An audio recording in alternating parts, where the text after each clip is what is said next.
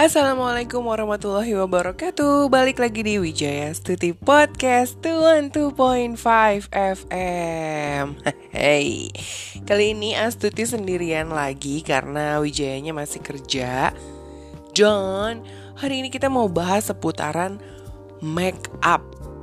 Penasaran dong? Aku juga penasaran Kenapa sih sekarang make up tuh bener-bener uh, Beragam. Ada yang Dulu inget nggak yang trennya ada make up panas dingin, ada make up uh, flawless, uh, yang udah make up tapi nggak kelihatan make up.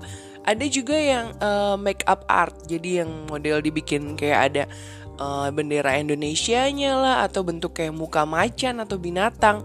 Wah, semakin beragam ya yang namanya make up. Jadi hari ini aku tuh penasaran karena uh, apa sih awalnya yang bikin orang tuh jadi kepengen make up gitu loh. Jadilah aku cari tahu di Google apa sih sejarah apa sih awal-awalnya tuh make up tuh dari mana sih? Terus bahan-bahannya tuh kayak gimana sih? Aman atau enggak gitu kan. Nah, nemu deh akhirnya satu artikel yang bahas tentang fakta sejarah make up dari 6000 tahun yang lalu dari idntimes.com. Nih, jadi gini nih guys. Ternyata itu tuh yang namanya make up itu tuh udah ada sejak 4000 tahun yang lalu.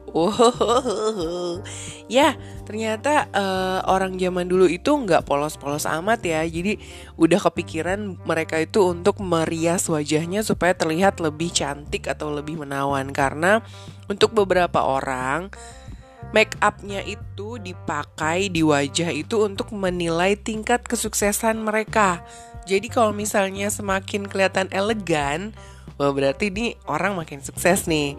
Tapi kalau misalnya orang itu semakin kelihatan buluk, wah berarti dia ekonominya tuh uh, rendah gitu loh. Hmm, kalau dulu mungkin gak kenal yang namanya skincare ya. Kalau sekarang mungkin ada yang namanya skincare, jadi orang bare face juga santai-santai aja ya nggak? Oke kita mulai ya. Jadi make up ini awalnya berasal dari Mesir. Mengutip Britannica, make up itu sudah ada sejak wow ternyata 6000 tahun yang lalu dan kosmetik pertama menurut sejarah adalah berasal dari Mesir. Mesir kuno ini udah pakai yang namanya eyeliner yang rumit. Jadi pria dan perempuan yang sejak 4000 tahun sebelum masa itu mereka udah pakai tahu kan yang kalau kayak orang-orang Arab zaman sekarang tuh pakai kayak celak namanya ya. Nah, itu udah ada dari zaman dulu ternyata guys. Terus beberapa makeup yang dikenal lagi di saat itu adalah kohol, prona pipi, bedak yang mencerahkan wajah juga ada eyeshadow. Wah, gile nggak nyangka ya. Mereka ternyata udah segitu majunya di 4000 tahun sebelum Masehi. Jadi yang sekarang ini mungkin tinggal penyempurnaan-penyempurnaan aja kali ya. Nah, zaman dulu tuh koholnya itu adalah kosmetik yang terbuat dari stip night. Stip night ini tuh dipakai untuk bikin maskara, buat eyeliner. Nah, sementara kalau kohol ini populer di Timur Tengah, Afrika Utara, dan juga Afrika Barat. Bahannya kayaknya kurang ini ya, kurang sehat gitu, kurang kurang bagus untuk kulit. Kalau sekarang kan orang-orang yang bikin make up pasti yang pertama dilihat adalah bahannya apakah bagus untuk kulit atau bisa bikin breakout muka kita ya nggak. Ditambah lagi ada yang namanya skincare. Wah, pokoknya kalau tahun-tahun sekarang mah itu semua udah hal yang hal yang sangat kompleks dan harus benar-benar diperhatikan dari mulai bahan ya nggak. Tapi kalau zaman dulu selama bisa bikin mukanya kelihatan lebih cantik dipakai deh. Mau hasilnya nanti gimana itu gimana nanti. Oke yang kedua bahan-bahan make up pada awal mulanya nih perhatiin nih. Agak ada yang alami ada juga yang hah? Bikin aku terjerenghak oh ya maksudnya uh, terkaget-kaget gitu karena ternyata gila nih orang demi cantik tuh sampai segala hal yang kira-kira akan merusak wajah tuh nggak dipikirin gitu loh. Oke. Jadi sebelum adanya teknologi yang maju bahan-bahan makeup tuh ada yang terbuat dari bahan-bahan natural. Ini masih bagus nih. Misal, pada zaman Yunani kuno, perempuan menggunakan makeup yang terbuat dari timah putih, guys. Bayangin timah putih itu buat dipakai jadi bedak. Oh my god. Dan yang namanya murbei, buah murbei tahu dong yang merah-merah itu, itu biasa dipakai buat prona pipi. Jadi selain buah-buahan mereka juga menggunakan bulu lembu sebagai alis biar kelihatan tebal. Oh my god. Jadi kalau kalau sekarang kita inget uh, kenal sama yang namanya tanam alis, kalau dulu tuh pakai uh, bulu-bulu lembu ditempel di alis kita. Gila emang luar biasa kreatifnya kan. Jadi selain orang-orang Yunani kuno, bangsa Romawi kuno ini juga menggunakan bahan-bahan natural buat kosmetik mereka kayak tepung barley sama mentega itu dipakai sama mereka buat ngobatin jerawat. Dan yang ngerinya adalah mereka pakai darah loh buat ngecat kuku dan juga buat nyemir rambut itu mereka pakai lumpur supaya kelihatan pirang. OMG, bener-bener ya zaman dulu kan belum ada yang pengetahuan soal bahan-bahan uh, apa namanya uh, pembuat kosmetik yang aman buat kulit gitu kan tapi ini mereka dengan uh, segala imajinasi mereka dan ilmu yang dikasih dari Tuhan mereka bikin kayak gini luar biasa sih kalau menurut aku terus uh, ada bahan kosmetik yang beda nih di Cina. Mereka pakai gam arabik sama gelatin, telur dan lilin lebah sebagai cat kuku mereka. Wah ini lebih bersahabat ya daripada di darah. Darah aku nggak ngerti ini darah orang atau darah binatang. Uh, ngeri. Warna-warna yang digunakan pada cat kuku ini juga melambangkan status sosial mereka nih guys. Misal warna emas, silver, hitam, dan merah melambangkan kelas sosial mereka yang lebih tinggi. Oh, I see. Dari dulu sampai sekarang nih, for your information, aku cuman pakai pacar, nggak pernah pakai yang lain untuk uh, apa namanya ngecat ngecat kuku aku. Pengen pernah coba gitu, tapi kok kayaknya aku males gitu untuk nge ngebersihinnya lagi dan lain-lain. Aku nggak kepikiran untuk kayak gitu karena aku mikir nanti kalau kuku aku rusak tuh kayak gimana gitu loh. Aku lebih mikir ke kayak gitu karena kan aku uh, ngerjain pekerjaan rumah juga sendiri gitu. Jadi kalau misalnya kukunya kenapa-kenapa nanti gimana dong gitu nggak bisa ngapa-ngapain. Itu sih yang lebih gue pikirin daripada harus ngecat kuku. Jadi kalau pacar gue tau lah itu adalah uh, bahan yang aman gitu kan bahan alami tapi ini sih gila ya. Jadi zaman dulu tuh ternyata kelas hidup manusia itu emang udah berdasarkan strata sosial. Jadi emang bukan sekarang aja tuh ada orang yang apa kayak namanya uh, kalau lo nonton film acara di uh, Trans 7 yang sobat miskin tuh gila ya orang bisa ngabisin uang kayak gitu gitu terus ada yang kita yang ya buat makan sehari-hari aja kadang masih mikir gitu kan ternyata dari dulu itu tuh udah ada gitu loh strata kelas sosial itu wow luar biasa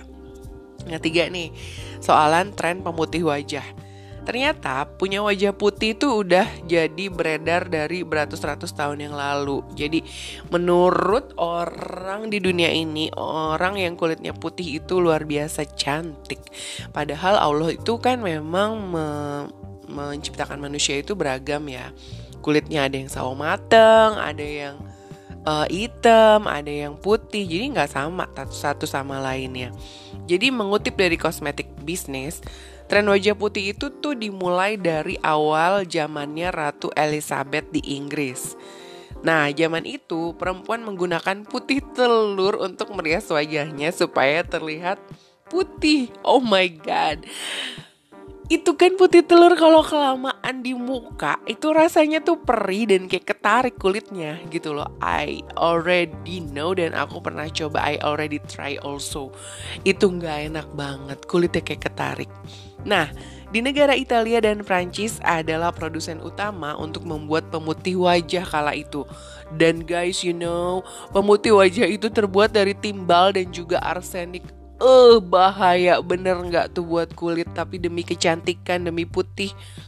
Apa pun dilakukan. Aduh sedih banget ya bacanya. Oke deh.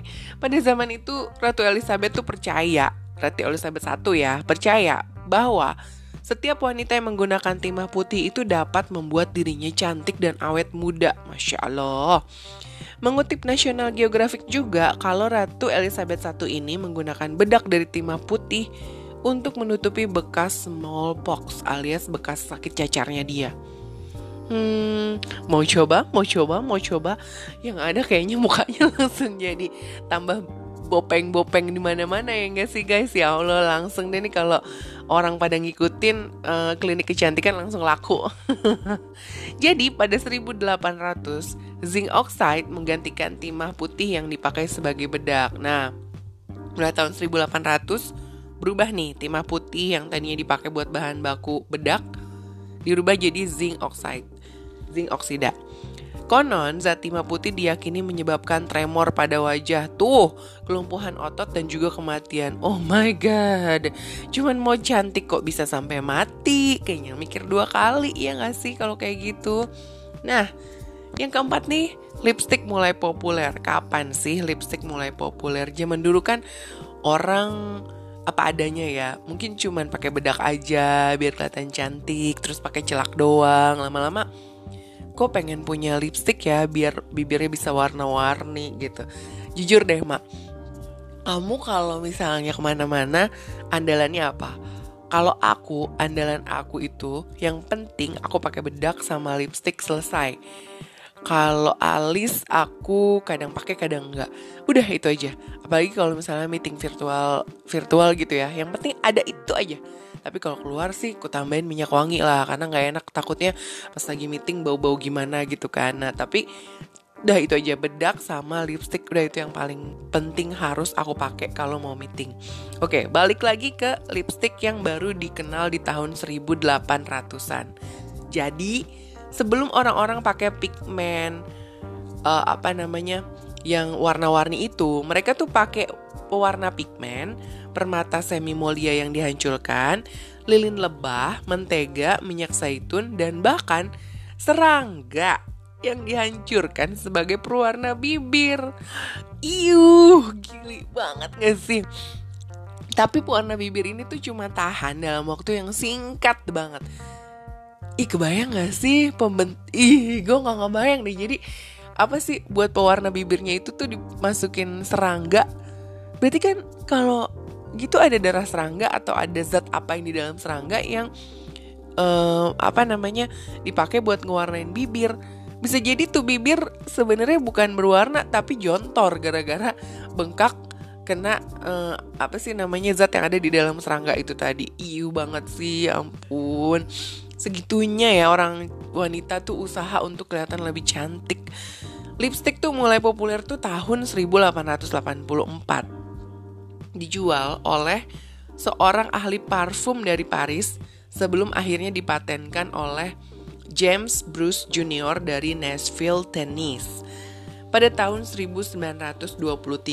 Oh, Oke, okay. jadi lipstick pertama yang smooth proof dibuat oleh seorang ahli kimia bernama Paul Baudecroux pada tahun 1927.